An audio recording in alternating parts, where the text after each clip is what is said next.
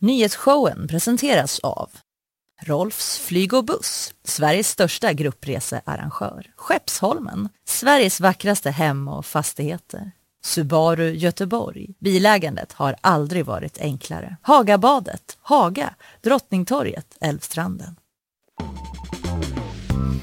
Mm, det är ju så det låter när nyhetsshowen live från GP-huset drar igång. Jag tror det var första gången det lät så. Eh, Att jag njöt så mycket Ja. med mm-ljudet. Att du sa så i alla fall. Använde det. Mm. det kanske är mer eh, ett privat ljud. Alltså jag menar inget med det, men menar alltså bara att jag brukar inte säga det Nej, men det, kan, det kanske är ett ljud som du känner varje gång eh, vi drar igång. Ja men det är något njut med att det börjar, att liksom det är förlösande på något sätt. Att man, Mm. Ja. bara, mm, man har stått och väntat och så bara mm, Nu. så kommer den goa bip, bip, bip, bip, och så jingeln på det. Du, eh, det är som vanligt eh, mycket att eh, prata om idag. Jag Mm. ska nämligen prata om en härva om hemliga dokument, en SD-politiker, Must, Säpo, Oj. helikoptrar, Norrköping. Oj, oj. Allt det här ingår i den här ja, men härvan som har nystats upp av Norrköpings tidningar. Jag kommer förklara lite närmare när, du, när det är dags för det helt enkelt. Mm. Vad ska du prata om idag Linnea? Jag ska prata om eh, den försvunna kvinnan i Vetlanda. Ja. Igår kväll så höll ju polisen en pressträff där de eh, berättade att man har hittat kvinnans eh, kropp helt enkelt. Så vi ska gå igenom lite vad som har hänt där. Ett väldigt uppmärksammat fall Mm. som du ger oss det vi vet om. Linnea Rönnqvist heter du förresten, Kalle Berg heter jag och Arne Larsson heter ju dagens gäst. Ja. Mm. Politikreporter där på GP. Kära, kära Arne som Ja. hjälper oss att förstå politiken Världen. här i Göteborg och världen. Ja, men det har ju liksom stormat en del i Göteborg efter vår första Mm. intervju ever i det här programmet med Jonas Attenius då, sossarnas eh, starke man i kommunen. Han var ju ganska nöjd med hur läget var då Ja, lät det som. ja, precis. Det lät som att eh, det gick ganska bra. Ja man tyckte ju det. Sen Ja. sket sig alltihop. Nu Ja. ska vi liksom kolla, eller ja, alltihop, men Centern Ja. hoppar av i alla fall. Mm. Vi ska se lite hur läget ligger i Göteborgspolitikens förhandlingar. Mm. Dessutom så var det ju stora nyheter igår eh, på riksplanet om att Moderaterna, eller regeringen då, strör mer pengar som utlovat över eh, kriminalpolitiken, brottsbekämpningen. Ja. Vi ska se liksom vad det innebär. Ja, typ. var det fem miljarder eller? Ja, men typ lite utpytsat över Ja. olika år va. Så det tar vi med Arne och liksom när kommer man igång då eventuellt med all övervakning och visitationszoner och, Mm. och så vidare. Eller utredningarna om man ska få ha det. Eh, dessutom då i bakvagnen eh, förväxlingsdramat som jag inte hann med igår. Nej. Region Halland går upp mot världens största idrottare nu för att reda ut det här. Sen tänkte jag snacka också lite om den före detta hälsoministern i Storbritannien. Han lämnar politiken nu för en reality show. Mer om det sen. Ja, spännande. Vad har du med där? Du, jag har eh, att eh, Trafikverket bygger ett ormskilett. Mm. Sånt jobbar de med tydligen. Eh, Branchar ut lite från ja, liksom kärnuppdraget. ja, kanske. Eh, och sen lite grann om att ett starkt luktsinne kopplas till bättre sexliv. Oh, Bra att liksom vi teasar med sex Mm. Ja, med i det här programmet. Nu Mm. kommer folk hänga kvar. Eh, du, du ska få eh, ordet snart. ehm, men jag bara tänkte följa upp lite en grej som ju eh, du snackade om igår helt kort bara. Mm. Du var inne på det här med eh, ÖB, Mikael Bydén, överbefälhavaren, hans precis. lilla råd Mm. som han hade. Han hade ju presskonferens igår och du snackade om det, liksom att han kom med det här rådet att Sverige inte ska ha några som helst förbehåll i NATO-förhandlingarna. Ja, exakt. Kom in liksom, eh, no judgment, Ja. bara lyssna. Ja. Ställ inga krav, man ska kunna svara ja på allt som sägs typ sa han. Det kändes som, vill du ha kaffe? Sa ja. han ja. men, lite klipp. ja men liksom i Ja. teorin så. Ja. så. Men i alla fall på tal om NATO så var ju igår Turkiets ambassadör med i 30 minuter. Mm. Alltså det här SVT-programmet där han intervjuades av Iceman Anders Holmberg. Ja, Som jag brukar kalla för Iceman. han är, han är kompetent. Kylig är Ja. han eh, och det var ju då om Turkiets krav på Sverige eh, för att godkänna oss att eh, komma med i Nato helt enkelt. Mm. Turkiets ambassadör vill se svenska utlämningar blev rubriken. Eh, kan lyssna bara en liten snutt på inledningen här i ett SVT-klipp. I'd like to know is is, the, is this an absolute demand that Sweden needs to extradite uh, these people, or there will be no NATO membership? Sweden has to do what the relevant article says.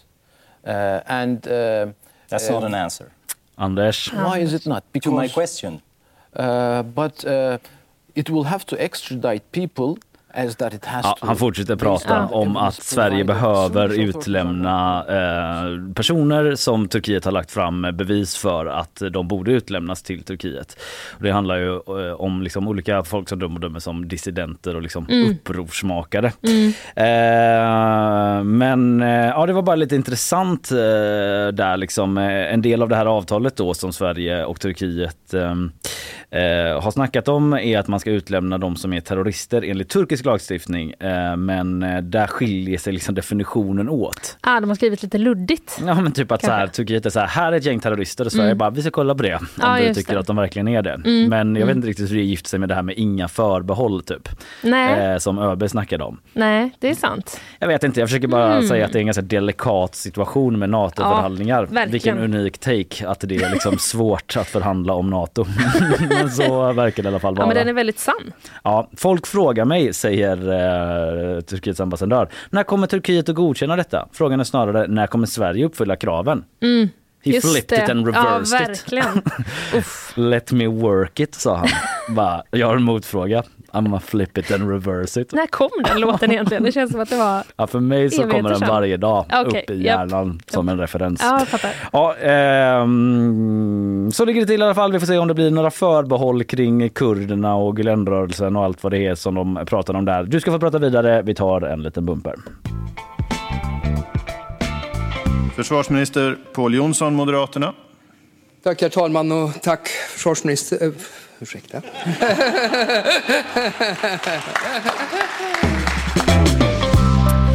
Ja, försvarsminister Pål Jonsson och hans smittande skratt. Ja, Men nu någonting helt annat. Nu Ja. blir det allvar. precis. Nu, eh, nu går vi över, byter ämne. Ja. Ehm, Det handlar då helt enkelt om den eh, 21-åriga kvinnan. Det var en kvinna som försvann efter en utekväll i Vetlanda 16 oktober. ja, det här har ju varit eh, stort i nyheterna Mm. om eh, sökandet efter henne. Verkligen. Eh, hon anmäldes då försvunnen och både polisen och Missing People har eh, letat efter henne. Mm. Och igår under eftermiddagen så hittade man kvinnans kropp i ett skogsområde utanför Vetlanda. Ja, jag fick den här Mm. flashen ganska sent. Mm. Eh, GP, kan man aktivera flashar har jag gjort. Och Ja. fick den liksom om att de hade gjort ett fynd och att man Mm. skulle hålla presskonferens då klockan nio på kvällen. Man förstod att nu är det grejer på gång. Ja precis, de gick ut med det på eftermiddagen och så höll Mm. de presskonferensen senare på kvällen. Då. Ehm, men vi tar det lite från eh, början. Ja. Ehm, det var då en lördagskväll, natten mellan 15 och 16 oktober, ehm, som eh, den här kvinnan var på restaurang Nöjet i Vetlanda. Mm. Eh, och eh, efter det kom hon aldrig hem helt enkelt. Hon anmäldes försvunnen på söndagen, dagen efter. Mm. Och några dagar senare, på tisdagen, då anhölls två andra kvinnor i samma ålder misstänkta för människorov. Mm. Och de, de Mm. ska då vara bekanta eh, med den försvunna kvinnan. Och de begärdes sen eh, häktade och de sitter fortfarande häktade nu, eh, men de nekar till brott, ska vi säga, Mm. via sina advokater. Då. Och polisen inledde då en särskild händelse och det har varit en stor eh, sökinsats. Man har tagit hjälp av drönare och hundpatruller. Eh, och även Missing People, Räddningstjänsten, Sjöräddningssällskapet och Hemvärnet har också varit med och sökt efter kvinnan. Vilken klump i magen man får när man tänker på Ja. alla som är anhöriga Ja, till ja, den här tjejen. Liksom. Ja, När det här stora sökpådraget bara pågår och man hittar ingenting. Fram Nej. tills nu igår då. ja precis. Mm. Ehm, och igår höll då polisen en, en pressträff och eh, vi på GP var på plats på den. Eh, och Rickard Findal som är chef för grova brott i polisområde Jönköping, han eh, säger då att man har genomfört ett gediget eh, polisarbete. Vi kan lyssna på dem. Vi har kunnat jobba fram en position eh, genom kartläggning, dels från de misstänkta som vi har häktade och eh, annat material eh, vad det gäller, som vi har i utredningen. Det ledde till en position som blev intressant nu på förmiddagen vilket vi gjorde en polisinsats på och sökte det här området och i samband med det så anträffades då den här kvinnan. Ja, han berättar då alltså om fyndet som de gjorde igår. Mm. Och det han säger är att ja, men de har fått information om förhör, liksom lagt pussel av Ja. olika liksom, saker de har upptäckt via polisarbete. Ja, precis. Vad det nu kan vara. Det är liksom ändå alltid intressant hur eh, de måste, när man letar efter någon, så här, alla pusselbitar som ska in för Mm. att bara ta en till en specifik plats. Ja, verkligen. Och det är också, så kan vi också säga att eh, den här utredningen är ju ett ganska tidigt skede. Ja, Så att de är ju också ganska, eh, de kan ju inte säga så mycket om, eh, om Nej. vad de vet, polisen. Men det är viktigt att enkelt. komma ihåg Mm. det såklart, att Mm. de håller på med en förundersökning här och det eh, brukar ju alltid vara så. Att Ja, man precis. håller informationen tätt in, intill i det läget. Självklart. Precis. Eh, men om vi går tillbaka till kvällen då när den 21-åriga kvinnan försvann. Då, då, finns det, då ska hon ha varit på den här eh, restaurangen helt enkelt. Mm. Och det finns uppgifter i flera medier om att hon ska ha lämnat restaurangen tillsammans med de här två misstänkta kvinnorna. Mm. Eh, och de ska då ha gått hem till en av de misstänkta. Eh, och Aftonbladet har rapporterat om att grannar eh, senare ska ha hört eh, höga dunsar från den här lägenheten. Mm, Okej. Och morgonen efter så hittades eh, också den försvunna kvinnans cykel eh, låst på en adress. Och det är en adress som eh, inte har någon känd koppling till henne. okej. Och Expressen har rapporterat om att det finns eh, övervakningsbilder på en bil då, som är ny bevisning i fallet. Och Mhm. den här bilen ska, ska kunna kopplas till en av de misstänkta kvinnorna. Och uppgifterna som Expressen har är att den här bilen då ska ha setts på en eh, nyckelplats inom citationstecken okej. eh, vid två olika tillfällen under den här natten som kvinnan försvann. Då. En nyckelplats, ja, det ju, får man ju tolka vad det betyder då, men Ja. för det En- fortsatta sökandet kanske då. Ja, men Mm. kanske en plats av, eh, av intresse för utredningen. Ja. Mm. Bra formulerat. Ja, och vi ska ju säga då också att det här är ju uppgifter eh, som finns i medierna. Och det är ju, eh, vi får se helt enkelt vad polisen eh, kommer fram till. Ja, För de är ju förtegna än så länge då. Mm. Eh, Och de här två kvinnorna, alltså de sitter häktade, alltså de här två som du nämnde, Mm. eh, som nekar till Mm. inblandning och så, men de sitter häktade på sannolika skäl misstänkta för människorov. precis, och ehm, nu, det, det kan ju komma att ändras den här rubriceringen. Det vet Ja. vi ingenting om än. Ehm, igår när de höll presskonferensen så då hade de inga nya uppgifter om rubriceringen. Nej. Men eh, precis, det kan ju komma att ändras efter, eh, efter vad som hände igår helt enkelt. Mm. Ehm, så nu går man helt enkelt vidare då med att utreda dödsorsaken och eh, man har också gjort kriminaltekniska undersökningar på platsen där Ja. kroppen hittades. Så ja, Ja. utredningen går vidare där.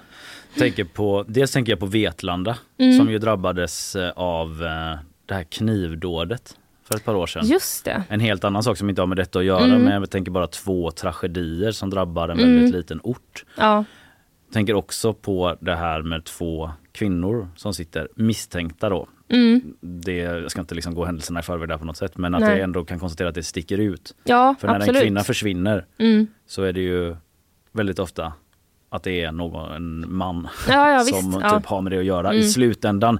Men ja, där eh, ska jag sätta punkt för det blir så himla spekulativt. Så. Nej, Men eh, det precis. är bara någonting som sticker ut lite grann kan man väl eh, konstatera. Detta kommer följas självklart. Läs Göteborgs-Posten, Mm, gp.se så kommer våra reportrar jobba vidare med det. Vi går vidare va? det gör vi. Ska ha lite nyhetssvep om en stund med Isabella. Innan det så ska vi ta lite reklam och efter reklamen kommer jag prata om, vad ska jag prata om just det? Den här härvan, Ja. SD-politiken och helikoptrarna och hemliga Mm. dokument och sådär. Det, jag tror faktiskt inte man vill missa det. Jag ska Nej. göra mitt bästa för att reda i den ganska stökiga historien. Men först reklam som sagt. Nyhetsshowen presenteras av Rolfs flyg och buss, Sveriges största gruppresearrangör. Skeppsholmen, Sveriges vackraste hem och fastigheter. Subaru Göteborg. Bilägandet har aldrig varit enklare. Hagabadet, Haga, Drottningtorget, Älvstranden.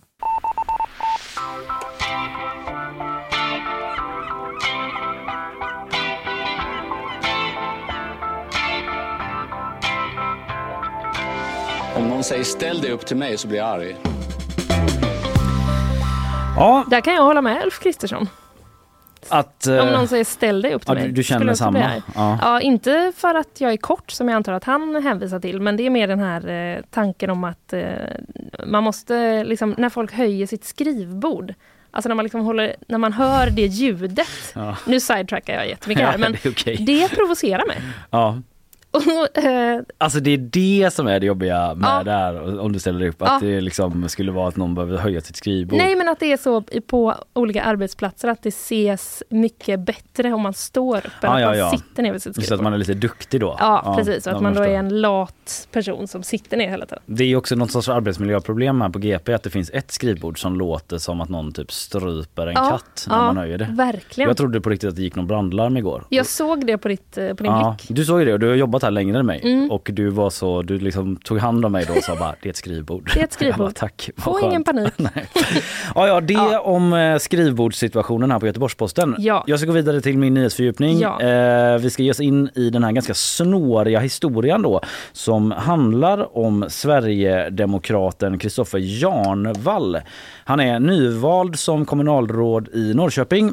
Hemliga försvarsdokument handlade om och en helikopteraffär värd miljarder.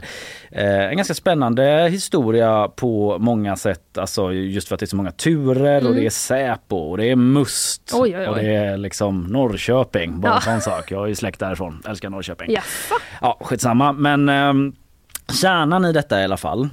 Bara liksom, jag ska liksom symboliskt försöka liksom ta dig i handen här nu Mm, Linné och mm. leda dig genom Jag den här det. historien och lyssnarna. Eh, men det är att Norrköpings Tidningar Tidningen, den stora i Norrköping, har avslöjat då att Kristoffer Jarnvall sålde just hemliga uppgifter från Försvarsmakten.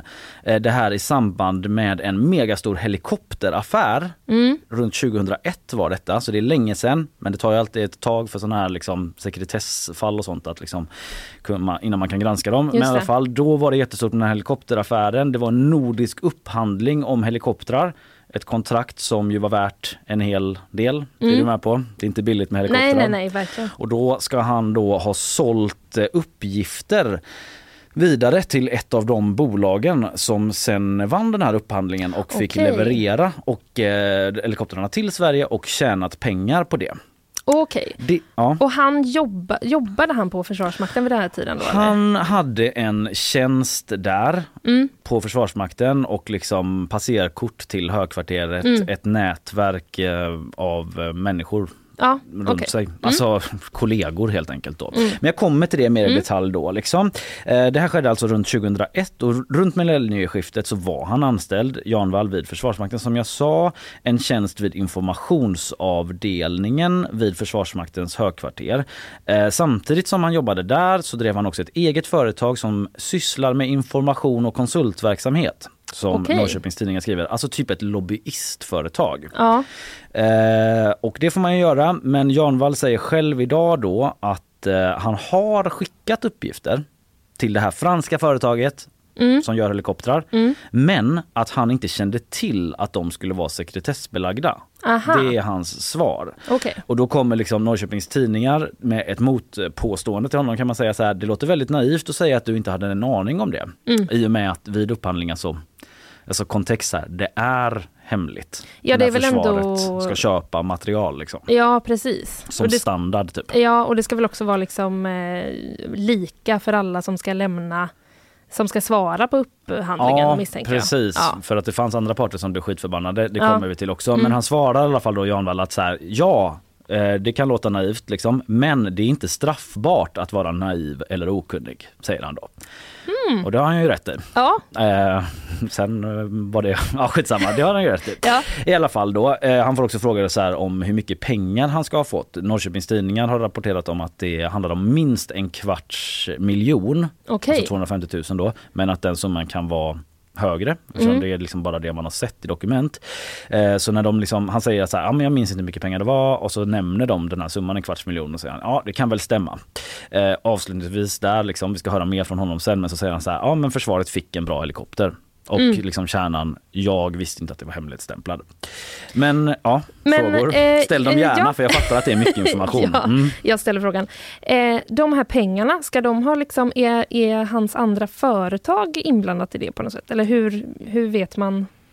Ska han personligen ha fått de pengarna? Ja, de pengarna som de här 250 000 ska Mm. ha kommit till ett bankkonto enligt Norrköpings Tidningar. Som, han var hans. något? Ja, okej. Mm. Ja, okej. Eller Mm. liksom kopplat till honom på Kopplat något till sätt. Jag honom. vet inte Mm. om det är vid företaget eller han Nej. pers- personligen Nej. men kopplat till honom i alla fall. S- ehm, sen handlar den här ehm, eh, historien liksom inte bara om honom, Kristoffer Janvall, Sverigedemokraten, utan det handlar också om det svenska försvaret. Eh, alltså det som hände vid den här affären, det var ju som sagt att det här franska företaget, de vann upphandlingen.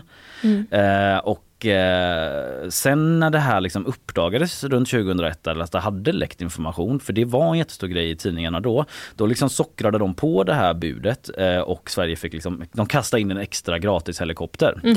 Eh, och eh, liksom när då försvaret fattar i ett tidigare skede innan de kastar in gratishelikoptern, liksom, men att de här uppgifterna har läckt, då kopplas Säpo och kammaråklagare in för att liksom Okej. utreda det här om det har begåtts några brott. Men den utredningen läggs ner. Okej, Va? Varför Ja. då? Undrar man ju. ja. Eh, Men enligt NTs, alltså Norrköpings Tidningar, deras uppgifter då, så hände det därför att eh, Alltså det antyds att liksom, om man hade bevisat att, eh, och fastslagit att eh, sekretessuppgifter hade läckt, då hade hela upphandlingen riskerat att skita sig. Ja, det låter ju som en möjlig... Ja, Ja. och det hade kostat skitmycket pengar Ja. självklart. Eh, eller att den hade blivit försenad helt enkelt. Och det var också ett amerikanskt bolag som hotade att stämma Sverige på 113 miljoner kronor. eh, för att eh, Ja, det uppdagades med detta då. Men utredningen lades i alla fall ner och dåvarande överbefälhavaren då, liksom högste chef på Försvarsmakten, Johan Hederstedt på den tiden säger till Norrköpings Tidningar att han fick rekommendationen att skadan för Sverige inte var tillräckligt stor av de här läckta uppgifterna då. Ehm, eh, och att vissa uppgifter som franska företaget fått inte störde affären tillräckligt för att man skulle gå vidare med utredningen. Okej. Det låter kanske lite tekniskt Att men det det är i alla liksom fall det inte de ska ha säger. varit tillräckligt eh, allvarligt innehåll i uppgifterna helt enkelt. Ja precis, att det liksom Ja. inte var tillräckligt ja, graverande för att Nej. man skulle gå vidare med Nej. det helt enkelt. För övrigt kan man säga att de här eh, helikoptrarna eh, som sådana också fått ganska mycket kritik. Typ. Dels att det var väldigt dyrt och sen sa nuvarande ÖB Mikael Bydén till DN igår att eh, man vill byta ut dem nu. Jaha. Att de liksom tillhör inte framtiden och att man ska köpa ett amerikanskt märke istället. Jag vet inte om det är det, det samma märke som stämde Sverige Nej, förut, det vet jag inte. Det men i alla fall flera. ett amerikanskt märke. Ja. Ja. Eh, men liksom åter till Kristoffer Janvall då avslutningsvis Mm. som nu idag är kommunalråd i Norrköping, nyinvald. Ja. Efter långt sossestyre där så Mm. kom liksom en eh, eh, MKDL regering, nej men inte regering men ett block eh, till makten där med stöd av SD, lite som i rikspolitiken. Eh, Det är då det är här har liksom aktualiserats Då har det igen. aktualiserats igen för då har ju Norrköpings Tidningar börjat granska alla som är makthavare i stan som man gör på tidningar och då har det här kommit upp igen och då har de fått massa uppgifter och så vidare. Och Norrköpings Tidningar beskriver att han har en fri roll i kommunen idag. Det har eh, so, eh, Sofia Jarl som är moderat då och eh, liksom kommunstyrelsens ordförande i Norrköping eh, sagt i samband med att de tog makten där eh, att han, eh, Jan Wall, inte har något specifikt ansvarsområde utan just en fri roll då med insyn i delar av kommunens verksamheter. Okej. Återigen låter det som, i mina öron, lite som SD på riks. Eh, vad att tänker man, du på då? Att, att, eh, alltså bara att man stöder ett, eh, en regering med M, Aha. KD och L. Skitsamma, det är lite parentes, men Ja, bara så ser det ut. Eh, och eh, han har en fri roll där och då frågar Norrköpings Tidningar Jarvall eh, med bakgrunden av att han har läckt hemliga uppgifter tidigare då och sålt dem eh, om det går att lita på honom. Då svarar han, det går att lita på mig. Hur kan vi vara så säkra på det? Säger Norrköpings Tidningar. Ja, det får väl, eh, du får väl bedöma svarar Kristoffer Janvall. Man får bara göra en bedömning. Och Sofia Jarl då som jag eh, nämnde som är moderat och är chef där i kommunen numera då. Hon säger till P4 Östergötland att det är väldigt, väldigt allvarligt det som kommit fram och sen frågan då hur hennes förtroende för Janvall ser ut. Det är ett ganska långt klipp vi ska höra här men det handlar ju liksom om huruvida han typ kan vara kvar eh, på sin post i kommunen liksom och förtroendet. Hon säger så här. Ja, men det är lite komplicerat tycker jag att, att prata om det här med förtroende. eh, Därför att i första hand är det ju så att det är respektive parti som måste bestämma sig för om man har förtroende för eh, liksom, sina politiska ledare. Sen är det väl klart att, eh, jag menar vi har haft en, en dialog men vi ska komma ihåg nu att kommunen står ju inför att vi ska säkerhetspröva de personer som eh, skulle kunna komma i kontakt eh, med sådana här ja, med material eller handlingar som kan kopplas till antingen kommunens säkerhet eller nationens säkerhet. Och den prövningen är ju inte gjord än.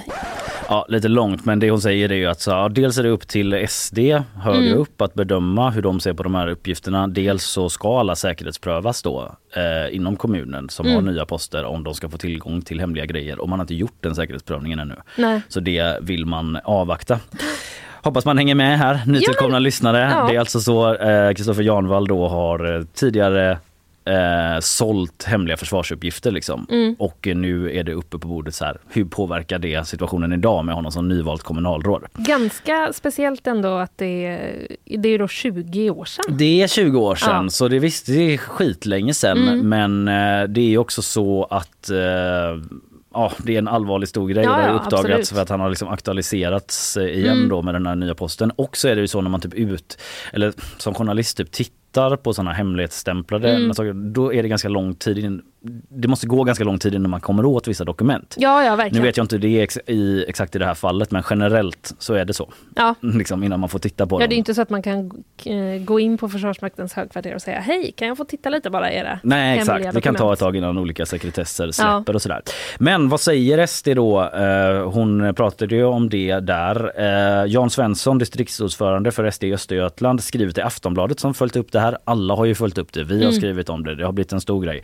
Eh, vad gäller gårdagens uppgifter om händelser som utspelar sig för 20, eh, för 20 år tillbaka i tiden sen så kommer partiet att följa dessa noga men ser i nuläget inget skäl att vidta några åtgärder. Så de ska kolla mer på det. Ja. Och vi på GP har sökt Kristoffer Jarnvall också eh, men han eh, har inte svarat på frågor från oss då. Nej. Däremot så har han pratat med P4 Östergötland. Vi ska lyssna på det. Jag tänkte bara avslutningsvis innan jag syr ihop detta säga någonting mer om han Kristoffer Janvall för att han inte bara känd i Norrköping utan han är även lite av en profil eh, i SDs egen tv-kanal, det här Riks Aha. som du säkert känner Mm, till. Eh, han kan låta till exempel så här där. Ja, nu är jag arg igen på alla kravmaskiner från när och fjärran. Han har lite såna segment typ där han är Aha. lite så, säger som det är Ah, ur okej. sitt perspektiv. Det här Mm. klippet eh, heter Jarnvall ger svar på tal till otacksamma migranter. Aha. Det är liksom så SD Riks har döpt det här klippet. Han sitter liksom och typ hytter med fingret så ganska mycket. Ja, okej. Lite som en sån arg mm, mulla.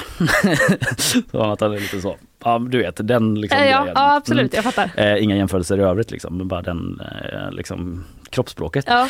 Eh, så eh, han är en profil där. P4 Östergötland då har frågat honom om han känner att hans eh, samarbetspartier har förtroende för honom, hur han upplever det. Han säger så här. Jag känner ingenting, det får du fråga dem om eh, naturligtvis. Det är väl viktigt att vi får reda ut det här så att de också förstår vad det är som har inträffat och, och därför att det förstår man inte om man läser Norrköpings tidningar. Ja, Okej. Mm. Han tycker inte NT ger hela bilden Nej. eh, så han vill ge den till sina samarbetspartners där i kommunen. Mm. Sen får han frågan av P4 Östergötland om eh, vad han ska göra nu. Ja, jag ska fortsätta och jobba för Norrköping tänkte jag.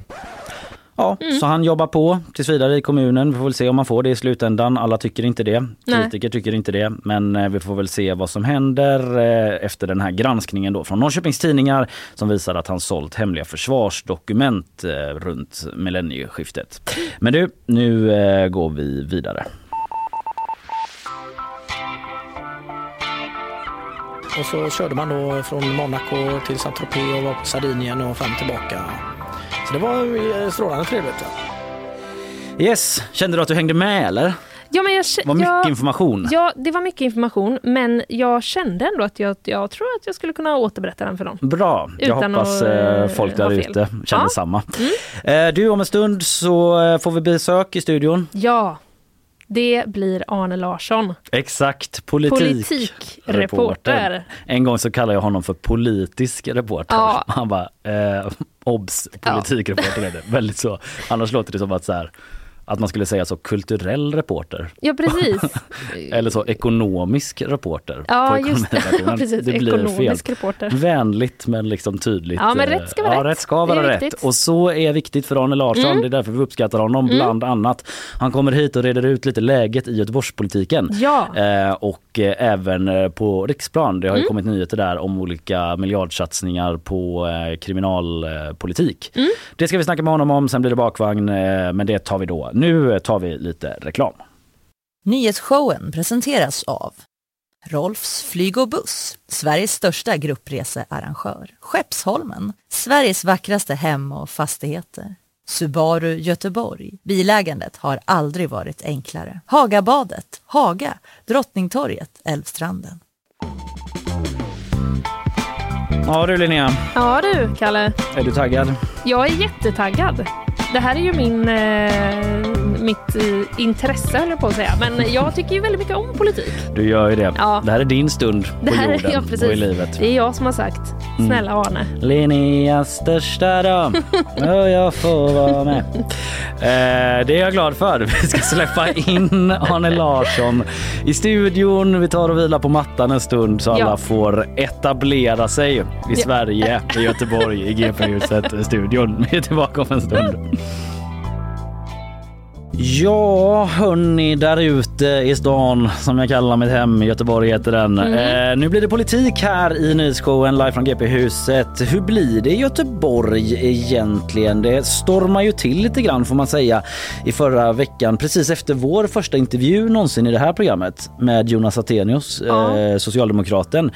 Eh, han var ändå, lät ganska positiv liksom till att Ja. de skulle komma överens där med Centerpartiet som var ambitionen men bara typ någon timme efteråt Mm. så kom eh, chockbeskedet. Ja, Centern precis. är out! Emily Börnfors av. hoppade av eh, med sitt parti. Vi ska snacka lite om vad som hände där. Vi ska också prata lite om eh, rikspolitiken, om den stora satsningen, miljardsatsningen som regeringen gör mot kriminalitet. Eller var den så stor egentligen? Ja, det, Mm. vi reder ut det. Tillsammans med Arne Larsson, politikreporter på GP. Välkommen Arne! Tack så mycket. Ja. Hur eh, Ja, vill du, du, börja ställa en fråga? Förlåt.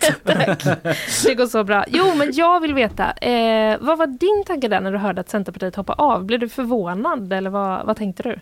Ja, nej men till att börja med kan jag ju berätta att jag faktiskt var ledig den dagen. Så det var ju lite snopet Ah. för mig personligen. Jag Ja. satt eh, och, och var rätt avslappnad och så hux flux dök detta upp i mobilen.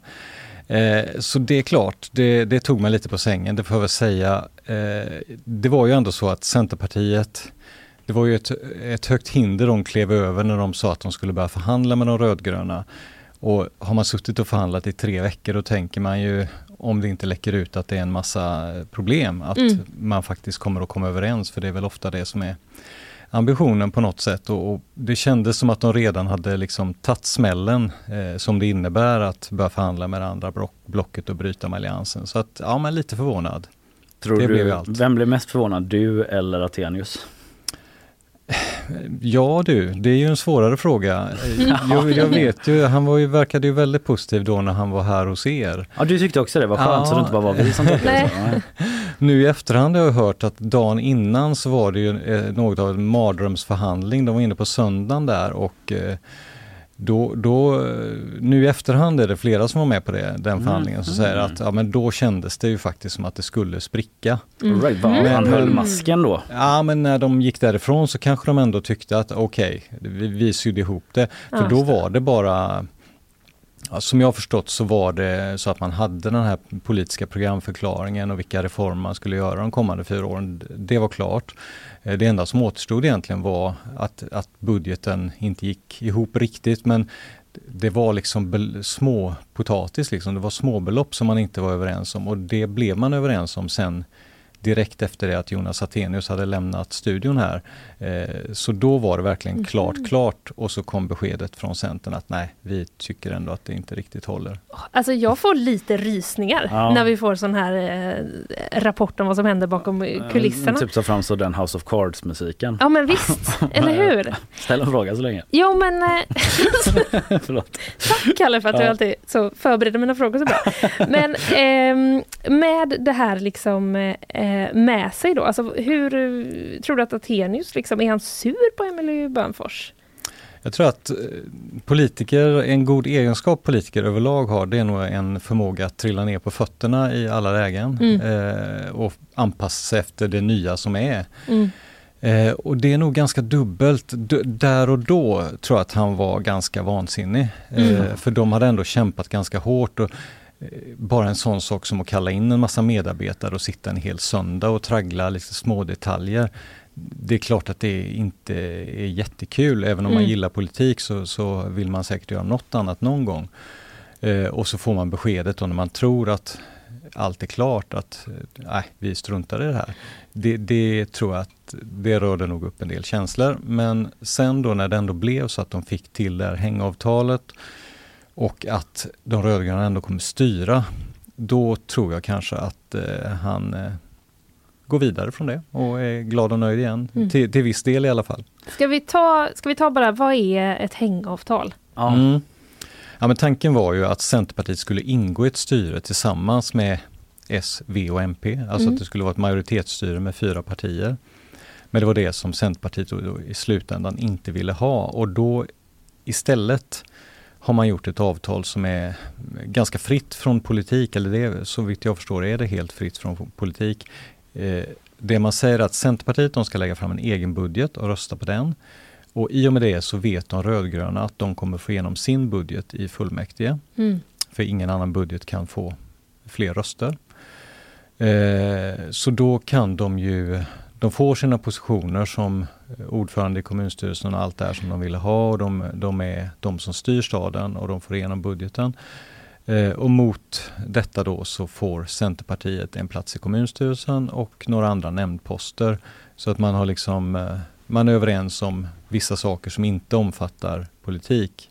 Det är Men- posterna då, inte... Ja precis och, och nyckeln till alltihopa är ju den här posten i kommunstyrelsen för att eh, det, det, sitter man i kommunstyrelsen då är man heltidsanställd och hel, heltidsavlönad politiker och man får också anställa ett visst antal politiska sekreterare. Man har en Mhm. liten stab. Eh, och Centerpartiet, eh, de är inte tillräckligt stora för att få den här posten på egen hand.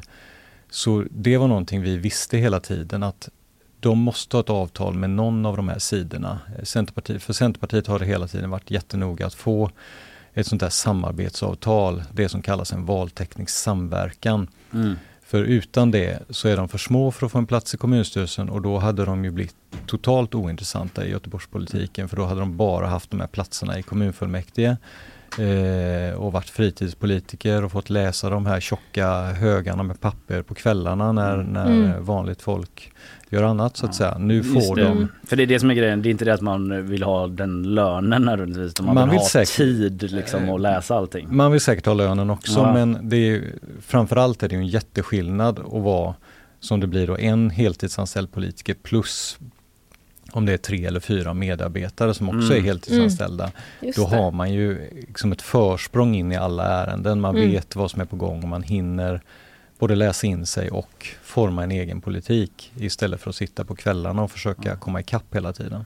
Jag kanske backar lite grann här nu, Mm. men jag tyckte bara en sak som jag fortfarande funderade över. Jag skojade lite om det när det hände, men när Centerpartiet beslöt sig att hoppa av förhandlingarna då så sa Emily Börnfors något i stil med att eh, i de små delarna så är vi överens men helheten gör att det här går inte. Det låter så konstigt, typ så här, ja men de små beståndsdelarna, där är det toppen. Men sätter man ihop dem till en helhet, då ser det helt galet ut bara.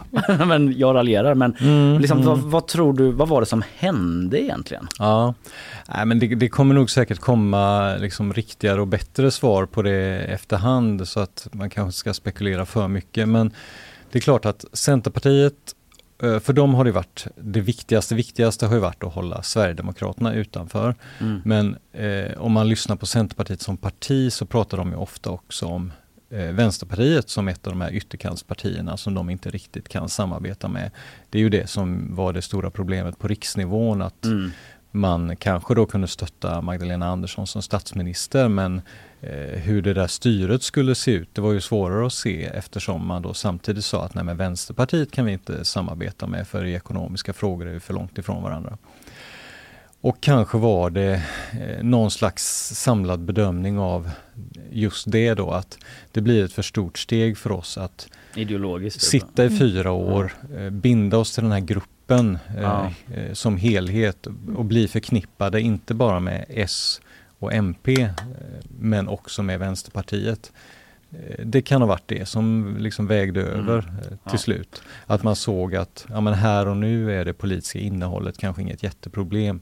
Men vad kommer det skapa för bild av Centerpartiet? Så man straffas längre fram kanske? Ja men ja. möjligen att man tänkte i de banorna att det blev så här liksom, eh, större strategiska överväganden som till slut gjorde att man kände mm. att vi vågar inte riktigt Nej. där ändå. Mm. Ja, vi får väl se om det klarnar allt mer då. Styret framåt nu då? Ja, det är ju eh, budgeten som ska röstas igenom 17 november i kommunfullmäktige. Skönt jag tittar på dig för att bara, har, har jag rätt ja, där? Och absolut. du nickade så det känns skönt. det är lite så när man har Arne i rummet, ja. så fort man liksom ger sig ut så vill man bara så. ja men precis. Men eh, eh, vi vet ju inte hur den här budgeten ser ut men om du ska eh, liksom eh, fundera lite, vilka, vad, vad kan vi förvänta oss här? Vilka satsningar kommer de att göra tror du? Mm, ja men en satsning vi kan vara ganska säkra på tror jag, det är ju att kollektivtrafiken på något sätt kommer bli billigare. För det har mm. de lovat ganska mycket alla tre partier. Eh, sen har de ju lagt sig på väldigt olika nivåer i valrörelsen. Socialdemokraterna har pratat om att det ska bli ungefär en hundring billigare i månaden med ett månadskort. Det var den nivån som var innan Alliansen tog över för fyra år sedan. Eh, vi har ju pratat om att priset på månadskortet måste halveras Eh, sen om det är mm. här och nu eller på lite sikt, eh, det, det, vet jag inte riktigt hur de tänker sig. Men det är väl något som de kommer putta in pengar till på något sätt och det blir mm. ju spännande att se vad, vilken nivå vi hamnar på. Eh, hur gör man, eller blir det väldigt tekniskt, men är inte det en sån regiongrej med kollektivtrafiken? Ja men precis, det är det ju. Så att det som Göteborgs stad gjorde innan, det var vad de kallar tillköp. Att om man vill ha ett månadskort för Göteborg så betalade kommunen det till regionen, mellanskillnaden. Aha, okay. mm. och, och liksom, nu är det ju lite knivigare för nu är det ju tre eh, kommuner som in, ingår i samma eh, liksom zon där. Mm. Så eh, de där teknikaliteterna blir nog ännu värre nu. Så vi, jag, jag, tror inte vi ska ratsa för mycket i det. Men det är något att hålla, hålla ögonen på. Ja precis, det får de lösa på något sätt. Ja. Men, men jag skulle säga det riktigt mest spännande av allt det är ju att vi går in i lite bistrare tider och mm de rödgröna ägnade ju ganska stor energi under de här senaste fyra åren åt att kritisera Alliansen för att de var för snåla generellt. Alltså, varje år så sker det ju en kostnadsökning såklart mm. eftersom eh, löner stiger och allt annat vad det nu är. Mm. Och Alliansen hade som tradition kan man säga att de alltid höjde anslagen till alla verksamheter med 1,5 procent även om kostnaderna ökar mer. Så att i det fanns liksom varje år ett litet sparbeting för alla skolor, alla förvaltningar, alltså allt, allt, mm. allt. Men det tyckte jag att de, de rödgröna att det var en jättedålig idé för deras eh, utgångspunkt är ju att välfärden behöver mer pengar, inte mindre. Eh, så liksom utifrån det att kostnaderna har skenat iväg något alldeles förskräckligt nu det sista så blir det ju spännande att se om de kompenserar fullt ut och om de till och med tycker att de har pengar över att lägga liksom, lite ovanpå det. Mm. Men med tanke på det då och med tanke på politik generellt, alltså när den här budgeten då som den antagligen gör går igenom Eh, tror du att det blir, liksom blir smooth sailing då eller kan det liksom falla när som helst eller måste man förhandla med Centerpartiet för varje enskilt liksom förslag som dyker upp eller? Mm, ja men det, det, ska nog kunna rulla på tänker jag. Men sen är det massa frågor som inte styrs av budgeten. Mm. Budgeten läggs ju en gång om året, alltså nu på hösten och gäller för hela nästa år. Och man kan ju inte veta exakt vad som händer ett helt år framåt. Eh, och det går ju dessutom för de andra partierna att lägga motioner av olika slag. Eh, så det finns ju en massa, massa frågor som finns utöver det här. Och då är ju det som är kvar av Alliansen, alltså eh, Moderaterna, Kristdemokraterna och Liberalerna och även Demokraterna och SD, deras eh, syn på, på hur mandatfördelningen ser ut är ju att det på högersidan finns 41 mandat och på vänstersidan 40. Mm. Vilket talar för då att en, ganska många frågor skulle kunna bli, liksom, falla till den andra sidans för fördel då istället. de in Centern i det? Ja precis och det är ju det som är det kniviga här då. För Centern har ju sagt att de är ett fristående oppositionsparti som ska kunna förhandla lite åt höger och vänster. Mm. Men i vissa frågor är de ju säkert eh, mer höger. Det var faktiskt, det har ju varit ett enda fullmäktigemöte hittills med den nya mandatfördelningen och då var det en fråga som handlade om uteserveringarna, om de skulle få vara kvar över vintern eller inte. Ett liksom, högerförslag så att säga i det här sammanhanget. Och där röstade ju alla de här 41 personerna på samma sätt så där följer då där, där åkte ju de rödgröna på ett bakslag. Mm. Och det kan ju bli en del sådana frågor, absolut. Förlåt, vad hände där? Skulle de vara öppen? Ja, nu, nu precis. Nu Ja. får krögarna behålla sina uteserveringar över vintern om de vill det. Och lägga en jävla massa pengar på infravärme då? Ja, precis. Det, det, exakt, nu talar du som en sann miljöpartist här, för det var precis det som var... Nej, nej, jag tänker kanske också som en centerpartist ur något småföretagarperspektiv. Ja, Nej, men det var... Det kostar ju. Ja, ja, precis. Jag ska inte...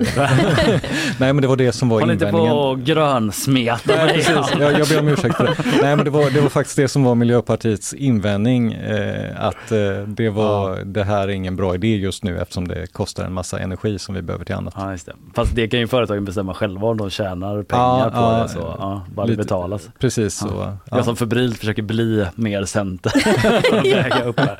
Nej, men eh, förlåt Linnea, ville du in med någonting?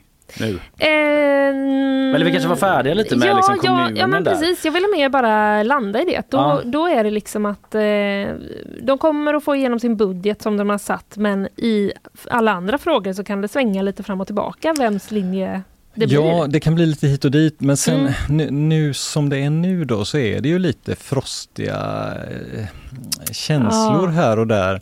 En lite rolig grej faktiskt hände igår när det var kommunstyrelsemöte.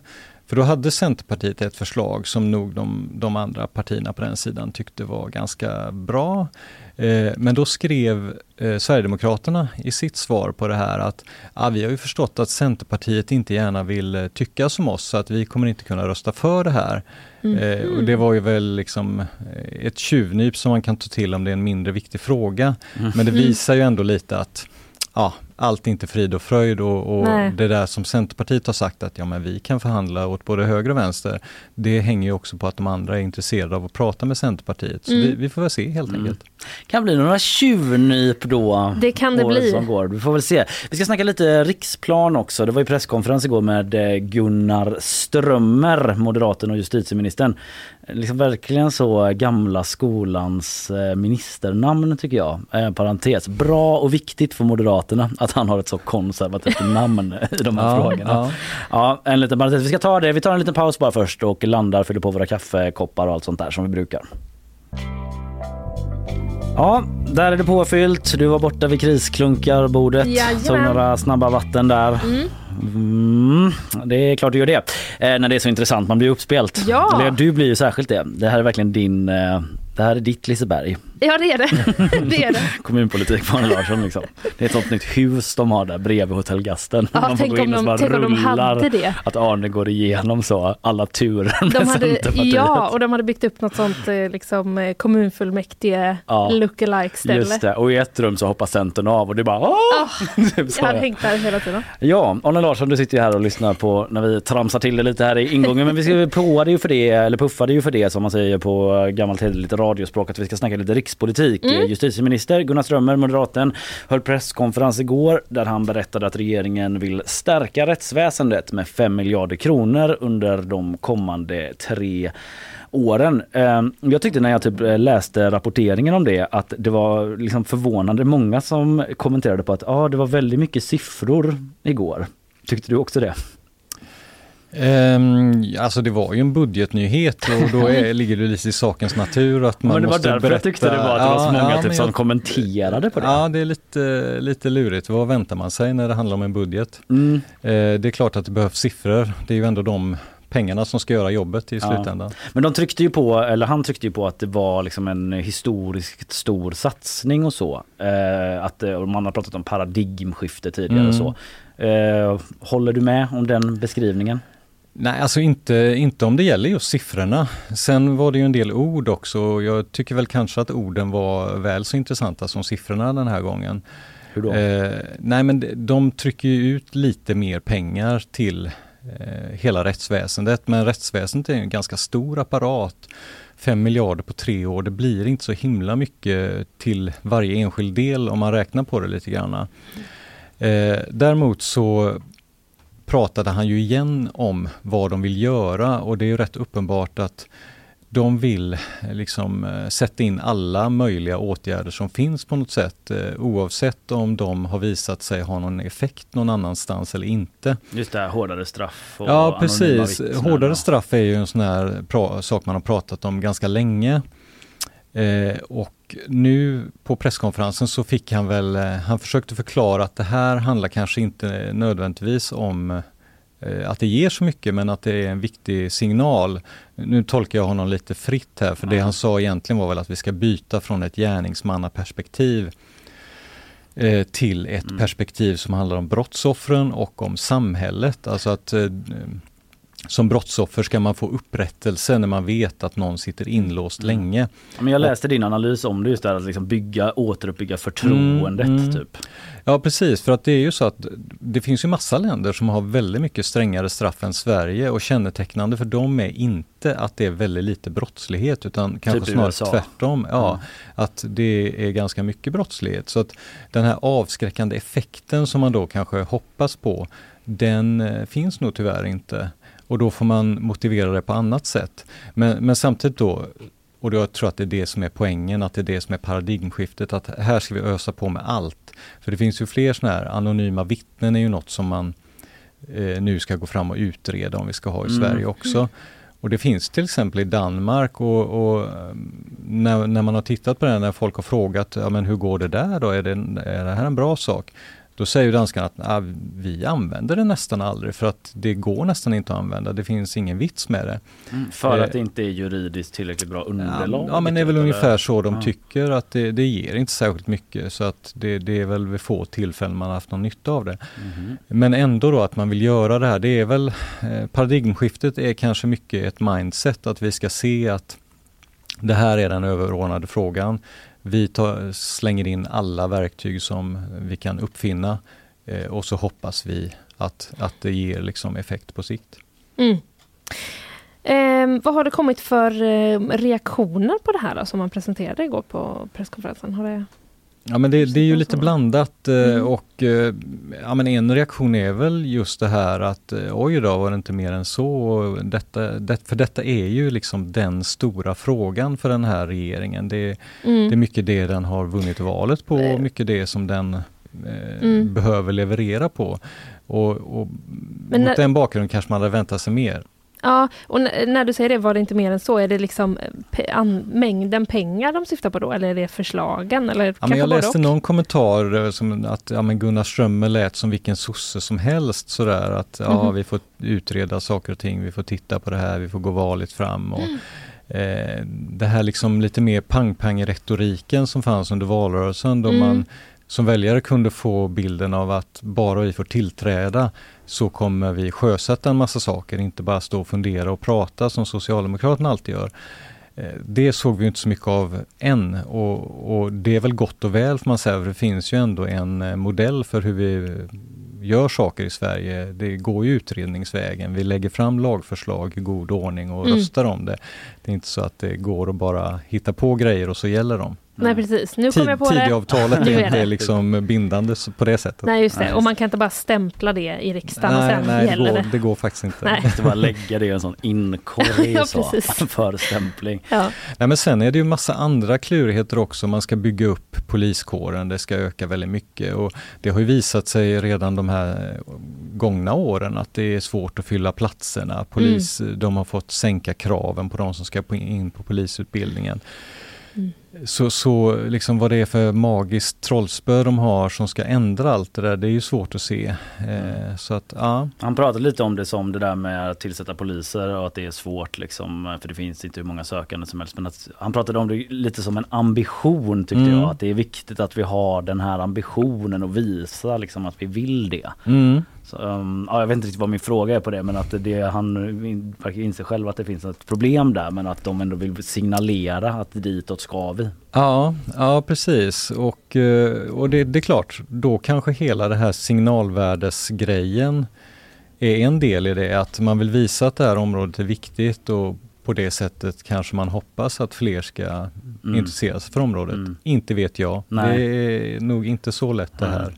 Du skrev om det i din analys i alla fall på GP liksom att eh, ja, men rubriken var väl knäck gängen om ni vill behålla trovärdigheten men just det här att de har investerat så himla mycket i, eh, i den här frågan då så att det är liksom upp till bevis nu då. Ja men så är det ju verkligen. Mm. Det är ju inte många månader sedan som, eh, som riksdagen röstade om huruvida justitieminister Morgan Johansson skulle få kvar eller inte för att eh, oppositionen då menade att ja, men han har inte lyckats med någonting, han har inte knäckt gängen, han har inte klarat detta. Mm. Eh, precis som att det finns de här snabba lösningarna och precis som att det går att fixa det här väldigt snabbt. Och nu när man då sitter i den positionen själv då blir det ju nästan som att man eh, måste lite halvbacka i alla fall och, och försöka få folk att fatta att oj då, det är, inte, det är inte så lätt, det ska ni veta. Men Mm. vi Mm. tänker göra allt vi kan. Det blir en uppgift det för Gunnar Strömmer och regeringsgänget. Eh, Arne Larsson, politikreporter på GP. Tusen tack i vanlig ordning för att du kom hit och hjälpte oss förstå både det lokala, vad som händer framåt. Ja, och på Riks. Ja, på Riks. På Riks ja. Tusen tack Arne. Vi Tack, ses tack. i korridorerna här.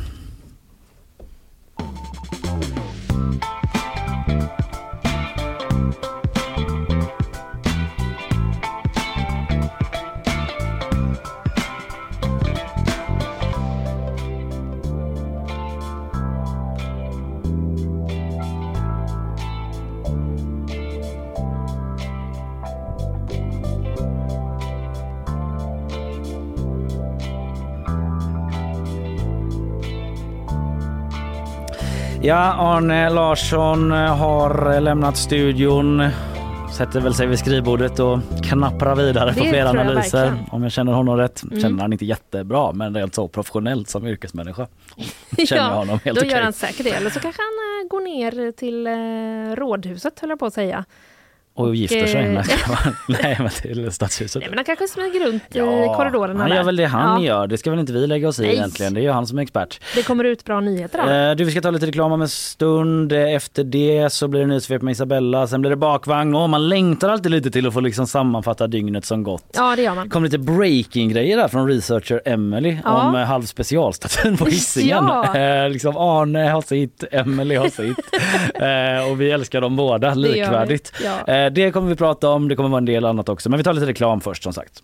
Nyhetsshowen presenteras av Rolfs flyg och buss, Sveriges största gruppresearrangör. Skeppsholmen, Sveriges vackraste hem och fastigheter. Subaru Göteborg. Bilägandet har aldrig varit enklare. Hagabadet, Haga, Drottningtorget, Älvstranden. Försvarsminister Pål Jonsson, Moderaterna. Tack herr talman och tack försvarsminister... Uh, ursäkta.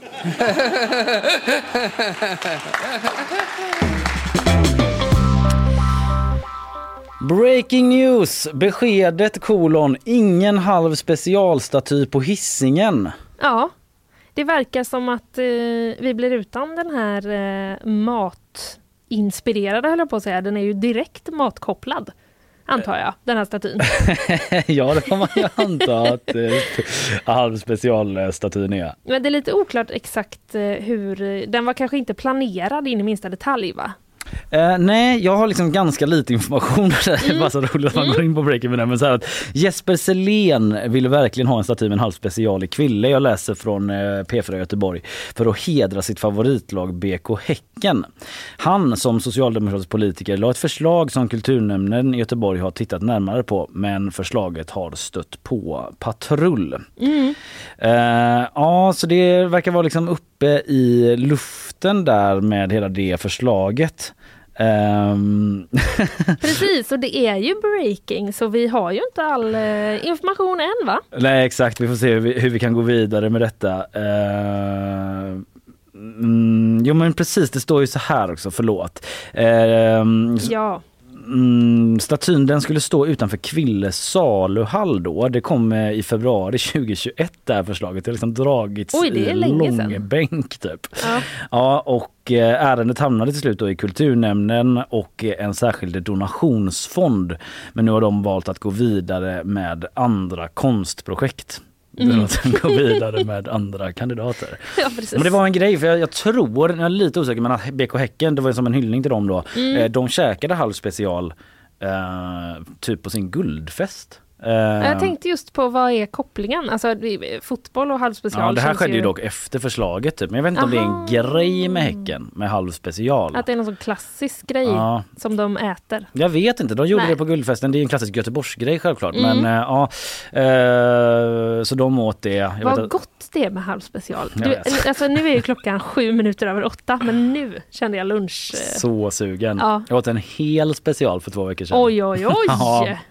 ja. Vad var det för dag? Eh, det var en lördag. Inte en helt vanlig lördag. Vi får se, vi får följa detta och eh, se om det blir eh, jag vet inte om det blir någon annan staty där. Om det kan bli en hel specialstaty. Ja.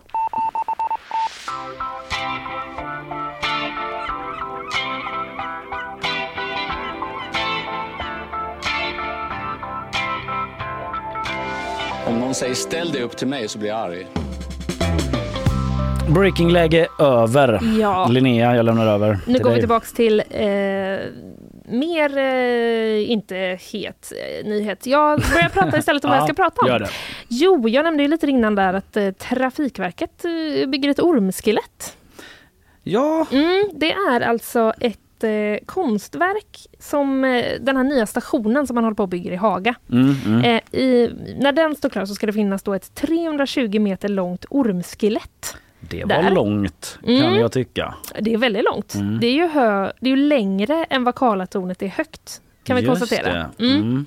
Ehm, Vilken bra liksom, lokalrelevant jämförelse. Visst var Där är du stark Jag blev så i ditt nöjd. lokala Ja, jämförelsegame. men tack, tack du.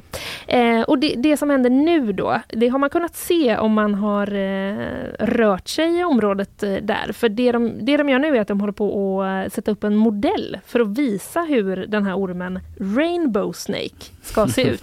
Okej. Så- Eh, så för att folk har gått runt där och varit så undrandes typ. Jag kan inte visualisera det riktigt. Ja, Vänta, kanske. här är ett smakprov. Ja, vi möjliggör för stadens invånare att få en inblick i hur konstverket kommer att te sig, säger Karin Malmqvist, projektledare på Trafikverket. Men hur ska den gå den här ormen? Ska den liksom, är den liksom upphöjd i luften och slingra sig fram? Typ? Eller är det under, på stationen under mark kanske? Ja, ja, just som jag har fattat det, ja precis, det ska ringla sig under marken. Mm. Så jag tolkar det som att det ska vara liksom nere i Mm, mm. Ja. Det gör jag också när du säger detta. Ja, Ja. det är ju också eh, vad svårt det var att uttrycka vad en station under jord heter kände jag eftersom vi bara har typ en sån i Göteborg. Ja, vilken är det? Där vid Liseberg? Liseberg. Typ. Ja, den är, och den är man inte på jätteofta i nej, det är man faktiskt inte. Det är mest att eh, man åker tåg och så stannar det där bara. Men Rainbow Snake då, är det något att den har liksom eh, en sån inte helt traditionell eh, familjebildning? Den här ormen? Ja, det kan det vara för att eh, den eh, verkar vara i vit färg vad jag kan se. Så det verkar inte Den här vara något, eh, modellen i alla fall. Men den kanske kommer rainbowifieras sen Ja, då, men på, även på lite så här, eh, du vet såna här eh, tjusiga, så här vill vi göra bilder. Eh, Mm, det finns mm, några mm. sådana i eh, här som jag läser på GP. Och då, då ser den också ut att vara vit, men det kan ju ändras. Ja, ja. Men det, alltså, nu när jag ser bilderna, man ser 320 meter har vi alltså sagt. Ja, Och det är den här, väldigt långt. Ja, Ja. det är jättelångt. Och så ser man liksom då hur olika små delar av ormen syns på, i olika bilder. Så det känns ju, jag får jättestarka så här basilisken i Harry Potter Mm, eh, det. eh. Mm. Eller känsla. Och det, eh, det gör I mig lite den rädd. underjordsmiljön också. Ja, precis. Vi, jag är ju inte ett fan av underjordsmiljöer från början. Och inte heller ormar. Nej, Så jag kanske inte kan åka från den här stationen. två minus för dig på Ja. den stationen. Ja, men häftigt med konstverk. Verkligen. Och så körde man då från Monaco till Saint-Tropez och var på Sardinien och fram tillbaka. Så det var eh, strålande trevligt. Jag har ju pratat eh, om det här förväxlingsdramat Mm. som Region Halland är mitt uppe i. Mm. De är liksom i en virvelvind av förväxling som pågår just nu. De har nämligen förväxlat på internet Mm. med världens kanske mest framgångsrika idrottare, åtminstone fotbollsspelare. Oj, okej. Eh, jag läser på GP eh, vår artikel där den norske stjärnanfallaren Erling Haaland har skapat huvudbry för försvarare, alltså på fotbollsplanen lägger jag till, och för Visit Halland enligt avdelningschefen Jimmy Sandberg. Jag har tröttnat, säger Erling Haaland till, nej jag ska bara, det var inte han utan det var Jimmy Sandberg Sandberg som har tröttnat. Som säger det till Fotbollskanalen. Okej. Har du koll på Erling Haaland eller? Nej, inte alls. Han är typ världens bästa fotbollsspelare nu. Han är Ja. norrman, eh, ganska ung och gör bara vräker in mål hela tiden. Okej. Det känns jättetråkigt för eh, Sverige har alltid varit bättre och haft typ Zlatan och så. Men, ja, det eh, känns inte som att Norge... Men jag vet ju inget om det här, men det känns inte som att de kanske har haft jättemånga så världs... Nej, nej men inte i fotboll. Nej, nej, det var ju länge sedan i alla fall de hade några som var liksom helt Ja. okej. Typ Solskär och såna här eh, killar. Men de det- har, det- Damsidan har de väl varit bättre på. Men det- de är ju bra på skidor och så. Ja, precis, men då har det väl ändå varit Sveriges grej att vi tröstar oss med att vi har ju ändå Zlatan. Ja, och nu är det här liksom en Typ. uppgift för regeringen känner jag att se till att eh, Sverige slutar vara så jävla ifrånåkta av Norge Ja. idrottsmässigt. Det här går inte längre. Skitsamma, det är inte det det här handlar om men i alla fall, eh, han är jättebra, Erling Haaland och eh, det som har skett då eh, är att eh, Visit Halland med fasa har eh, sett att de hela tiden förväxlas på internet i olika hashtags. De in så här Mhm. nyheter som Region Halland vill få ut om hur Ja. bra det är i Halland försvinner liksom i ett Erling Haaland-moln av tweets. Så att de bara så här, kom ner och upplev Tylösand. Ja. Och då liksom så här, hur ska du hitta det mellan hundratusen eh, olika videos på när Erling Haaland eh, gjorde mål senast? Ja, det är jättesvårt. Men Jo. vad, vad är den här hashtaggen då? Eller vad brukar det vara? Ja, men Haaland stavas ju H-A-A-L-A-N-D. Ja, okej. Mm. Och Halland, varför berättar jag det här? Det stavas väldigt lika, jag behöver inte gå igenom Ja, det. men, ja Exakt. men Halland vet vi hur det stavas, men Ja. efternamnet Ja tycker men det är jag ändå var bra. väldigt likt och det, är Ja. så här, det är inte bara eh, hashtags typ utan sökbarheten. Mm. Att folk typ Ja, kanske det. sitter så i, vad vet jag, typ. Menade du Halland? Ja, no, Fast men typ Dubai typ och bara så här, vill hitta Mm. goa sköna klipp på eh, Håland. Mm. Och så hamnar de i Halland och typ så här, Mm. vad då typ? Vad har det här eh, liksom eh, den här pingisstjärnan från utanför Falkenberg att göra med honom. Det uppstår förvirring på många plan. Liksom. Eh, Jimmy Sandberg har publicerat ett öppet brev med anledning av detta eh, på LinkedIn av någon anledning. Det är en relevant plattform. Han skriver så här. I årtionden har vi informerat världen om Halland, en något undanskymd pärla på den svenska västkusten. Hundratusentals turister kommer hit eh, varje år för att njuta av våra sandstränder, lummiga skogar och så vidare. Bla bla bla. Men till vår förtvivlan ser vi nu att våra ansträngningar i snabb takt försvinner. Allt på grund av en fantastisk norsk fotbollsspelare. Det har kommit till vår kännedom att det finns enorm förvirring gällande stavning av Hålands namn.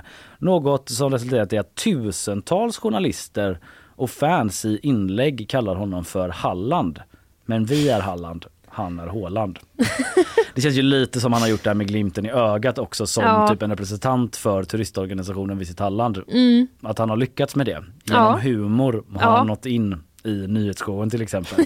ja. Vilket i sin tur har lett att våra lyssnare, lyssnare vallfärdar till Halland. Ja, det lär de göra. För att uppleva dess mysiga stadskärnor. Som ju han eh, nämner i pressmeddelandet Ja, till exempel. Lummiga Ja. skogar och så vidare. Mycket fint. Carl, eh, producent Carl frågar om de ska döpa om sig och eh, lanserar småländska västkusten som alternativ. Just det. Ja det är ett bra alternativ. Eh, Det Mm. framgår inte. Jag tror inte att de är inne på det. Men Nej. de är inne på det här med Google-sökningar, typ att det är en viktig kanal för internationella gäster typ. Just det. Som kommer, kanske så holländare som vill cykla i fina Halland. Det är också likt. Ja, och då kanske det blir helt galet för dem. Ja. Att de bara så här, det här verkar ju inte vara ett landskap i Sverige. det Nej, är en fotbollsspelare. Ja. Man kan inte åka till en fotbollsspelare. Det Nej. finns väl inga hotell där? Nej, det är väl oklart vart han är hela tiden också. Ja, precis. Svårt att hitta. Alltså det är problem. Har ni förslag på eh, vad eh, Halland ska kalla sig då istället för eh, Halland för att undvika förvirring? Mm. Nyhetsshowen heter vi på Instagram, nyhetsshowen gp.se på mail. Vad var det du sa Karl? Småländska västkusten. Småländska västkusten, det leder hittills då som enda förslag. Här blir som vi säger på göteborgska, här blir superrätt. Ja du. Vi har ju pratat lite om eh, klimataktioner mot konstverk. Det har vi det har verkligen. Ju, eh, det har ju du eh, grottat ner dig i till och med va? Ja, ja, jag gjorde en fördjupning på Ja. det och liksom alla de här som slänger tomatsoppa och Ja. eh, potatismos och alla Alla Ja, sorters flytande och semiflytande maträtter. Ja, ja men precis. Nu eh, vidtar Göteborgs konstmuseum åtgärder här och skärper sina säkerhetsrutiner. Okej, Mm. bara så eh, morot i kaféet eller sånt som är hårt. Eh, Bra idé! Så att man det inte kan liksom borde... köpa en smoothie där och bara ja, precis. Inte, de borde ju inte ha någon form av eh, kastvänliga grejer. Tomater till exempel. Det. Kanske är en sån klassisk Alltså grej. väldigt stora hårda föremål som Ja, man kan köpa. i Torra bullar. eh, det är ju också en bra grej. Fast då kanske det blir för hårt. Eventuellt också att man börjar i fel ände. Marshmallows. Mm, ja, Det kanske. funkar bra. Det är de inte så kladdigt. inte så stora. Men det kan också Nej. vara så att det är bättre att börja i en annan ände än att liksom byta ut hela kafésortimentet. Jag inser det. Ja, ja så kan det absolut vara. Ehm, Hur gör de? Jo, jättebra fråga. Eh, de vill inte gå in på detaljer här riktigt. För att, eh, kring hur man ska, hur man ska skydda, skydda de verken. Men eh, de följer händelseutvecklingen noga. Eh, och, Det låter inte som ett bra skydd ändå. Mm. Typ här går det inte att kasta tomatsoppa. Den här händelseutvecklingen är ju väldigt väl följd. ja, men jag tror att de gör eh, Ja, mer saker än vad, de, än vad de säger. Självklart. Eh, Patrik Stornstern Ja, eh, museichef på Göteborgs konstmuseum, han säger vår samling har ett högt värde konsthistoriskt och ekonomiskt och när vi har sett vad som hänt i omvärlden har vi tyckt att det är viktigt att skydda de här verken. Ja, fair Mm. enough. Ja. Men han vill inte säga då för att jag vet ju att eh, vid ett fall med den här tomatsoppan som var på någon Monet Mm. eller om jag blandade Picasso eller om jag blandade ihop det men då var det ju någon typ av glasskiva för vilket Ja. de här eh, miljöaktivisterna sade sig veta om och att de typ Mm, såhär, vi skulle det. aldrig skadat verket på riktigt. Typ. Nej, nej precis. Ja. Nej, jag, jag vet inte vad de gör för någonting men jag menar, eh, ska man... Man kan ju tänka sig att en liten glasskiva är ett ganska bra skydd. Ja det kan man tänka sig. Det är i alla fall intressant att det har nått då hela vägen till Göteborg. Ja, att liksom alla precis. måste ta ställning till att det här när som helst kan hända. Ja, att det är en sån grej som annars tänker man ju mer att det är så någon råkar typ luta sig mot en tavla. Mm. Men eh, nu är de eh, eventuellt eh, utsatta för eh, värre grejer. Eller som när jag var på Moderna Museet i Stockholm och skulle slänga ett gammalt så snickerspapper Mm. i en eh, papperskorg. Eh, vad händer Och då? jag hör någon komma bakifrån så. Konst? Och då var det att eh, papperskorgen var ett konstverk. Nej. Jo, typiskt Moderna Museet Oj! fail typ. Jag tänkte att ett ögonblick att det kanske var snickerspappret som var ett konstverk. Ja, just Jag hade ätit. Ja, att du hade liksom gjort konstverket själv. Nej nej nej, utan Nej. det var papperskorgen. Ja ja. Det är ju fantastiska författare allihopa och eh, två av tre böcker har jag ju själv läst och haft väldigt stor... Eh, eh, tyckt har varit väldigt, väldigt eh, bra. Den tredje är en film, måste jag bara säga. Ja. För sakens skull. Då. Väldigt politiskt eh, tema på Stingersna idag. Ja, det är det Ja, faktiskt. väldigt. Eh, jag måste balansera upp det också. Det har varit Ja, eh, två ja, M och det. en eh, KD eller något. Ja, ja Ja. skitsamma. Eh, det byts ut. Jag tänker liksom man byter ut dem hela tiden. Ja. Så att folk liksom, man har lite aktuella grejer på dem. Mm. Skitsamma, det här kanske vi kan ta på ett möte istället. Det kan vi göra. Du, partiet och när jag säger partiet då menar jag eh, Torypartiet Ja. i Storbritannien. Mm. Eh, de petar nu den tidigare hälsoministern Matt Hancock. Mhm. Eh, han var på tapeten en hel del under covid och sådär. Eh, för övrigt om någon tycker det ringer en klocka. Men han är i alla fall inte hälsominister längre men han eh, har, är liksom eh, PM, member of, MP heter det, member of parliament. Member of Parliament. Mm. Men han petas nu från det jobbet som inpiskare. Just det. Just det. Whip. Whip. Sån som liksom ser till att alla röstar som man ska. Ja. Ungefär kan man väl förenklat Du, du förstår ändå, alltså när man har, tänker på sådana här, att det finns någonting som är en whip. Alltså hur... Eh, nej förlåt, jag bara kände vad politik är. Underbart. Ja men det är underbart. Ja. Eh, I alla fall då, eh, han petas från jobbet som inpiskare för Torypartiet efter uppgifter om att han anmält sig till realityprogrammet I'm a celebrity get me out of here. Va? Ja, vilket han då, det är The Telegraph som skriver det eh, och det här programmet spelas in i djungeln i Australien. Annars lät det mer som att det var så I'm a MP, get me out of here. Ja, just det. Och så var det att programmet kom och liksom tog honom. I'm the majority whip. Ja. Get me out of here.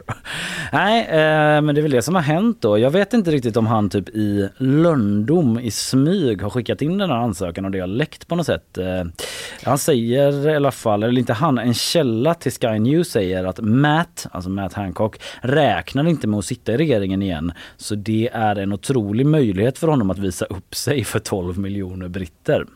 Lite Okej. syrligt då antar jag. Ja, det kanske det var. Mm. Men jag menar, sitter man i... Eh, han, han verkar ju redan ha visat upp sig för ganska många britter. Ja, Han kanske vill göra det på ett annat sätt då. Det, ja, vad var det han... Eller vad vet vi någonting om det här programmet? Man, man är en kändis, man hamnar i djungeln. Man ska ta sig Ja. därifrån kanske. Alltså jag har inte riktigt, jag känner igen det här programmet, det kanske är olika teman eh, men det är väl att de buntar ihop ett gäng eh, kändisar typ i den här gången i alla fall i djungeln och Mm. så ska väl de överleva där på något sätt. Den här källan som ändå typ roastade honom lite grann, han säger så här, han kommer använda sin tid i djungeln för att marknadsföra sin kampanj mot dyslexi. Eh, som tydligen är någon sån Jaha. grej han håller på med. Eh, Där finns det ju så mycket penna och papper höll jag på att säga. Ja men det kanske är en bra Nej, plats det kan man göra. Här är liksom så här, i djungeln kan Mm. ingen höra dig läsa. För det finns kanske inga böcker att tillgå. Och där får man se att han är lika duglig som alla andra. Nej men nu spånar jag lite väl Ja, mycket. Men han vill marknadsföra det i alla fall. Mm. Eh, De um, liberaldemokraterna kräver, alltså ett annat parti, att hans lön ska dras in medan han är i djungeln. Så att han inte ska Okej. få sitta där och samtidigt casha in en lön av skattebetalarna. Nej. Eh, och man kan ta in en annan tycker de liksom. Ja, just det. Men hans, jag missade lite i början tror jag. Han, hade han inte fått sparken från någonting? Det är typ som Robinson eh, skriver Emily, det här Ja. programmet. Ja men eh, jo men alltså att Eller han petas från jobbet som inpiskare typ. Ja, att han är, ja, han att är fortfarande med. Ja han är med i partiet Ja. då men att han räknar inte med att sitta i regeringen om han är kvar i parlamentet som jag förstår Mm. det. Men han kommer inte få ha kvar det här liksom prestigefyllda jobbet som eh, inpiskare. Nej, nej, nej, just det. Han har liksom varit eh, bara i en del typ så skandaler. Eh, Boris Johnson har kallat honom helt jävla hopplös läser jag på Aftonbladet. Eh, och Dominic Cummings eh, som var rådgivare till Boris Johnson har sagt att eh, han borde få sparken och drottningen kallar honom för en stackars man. Oj då. Ja men det var liksom, det var otrohetsskandaler och det var typ att han eh, eh, det var någonting under covid, eh, nu vill jag inte liksom förtala honom men det var någonting med att han typ var ute och käkade, alltså han bröt mot covid-restriktioner på något sätt. Mm, Okej. Ja, Okej, eh, det var det om det. Vi får väl se liksom om eh, vi kan ha en nollvision om dyslexi efter att han har varit där. Just Nej, det är inte det. så dyslexi funkar. Nej, men en större förståelse. Det är väl Ja. behjärtansvärt att han liksom vill bidra till en större förståelse för eh, dyslexi. Vi får se om det här forumet är det mest Mm. eh, relevanta.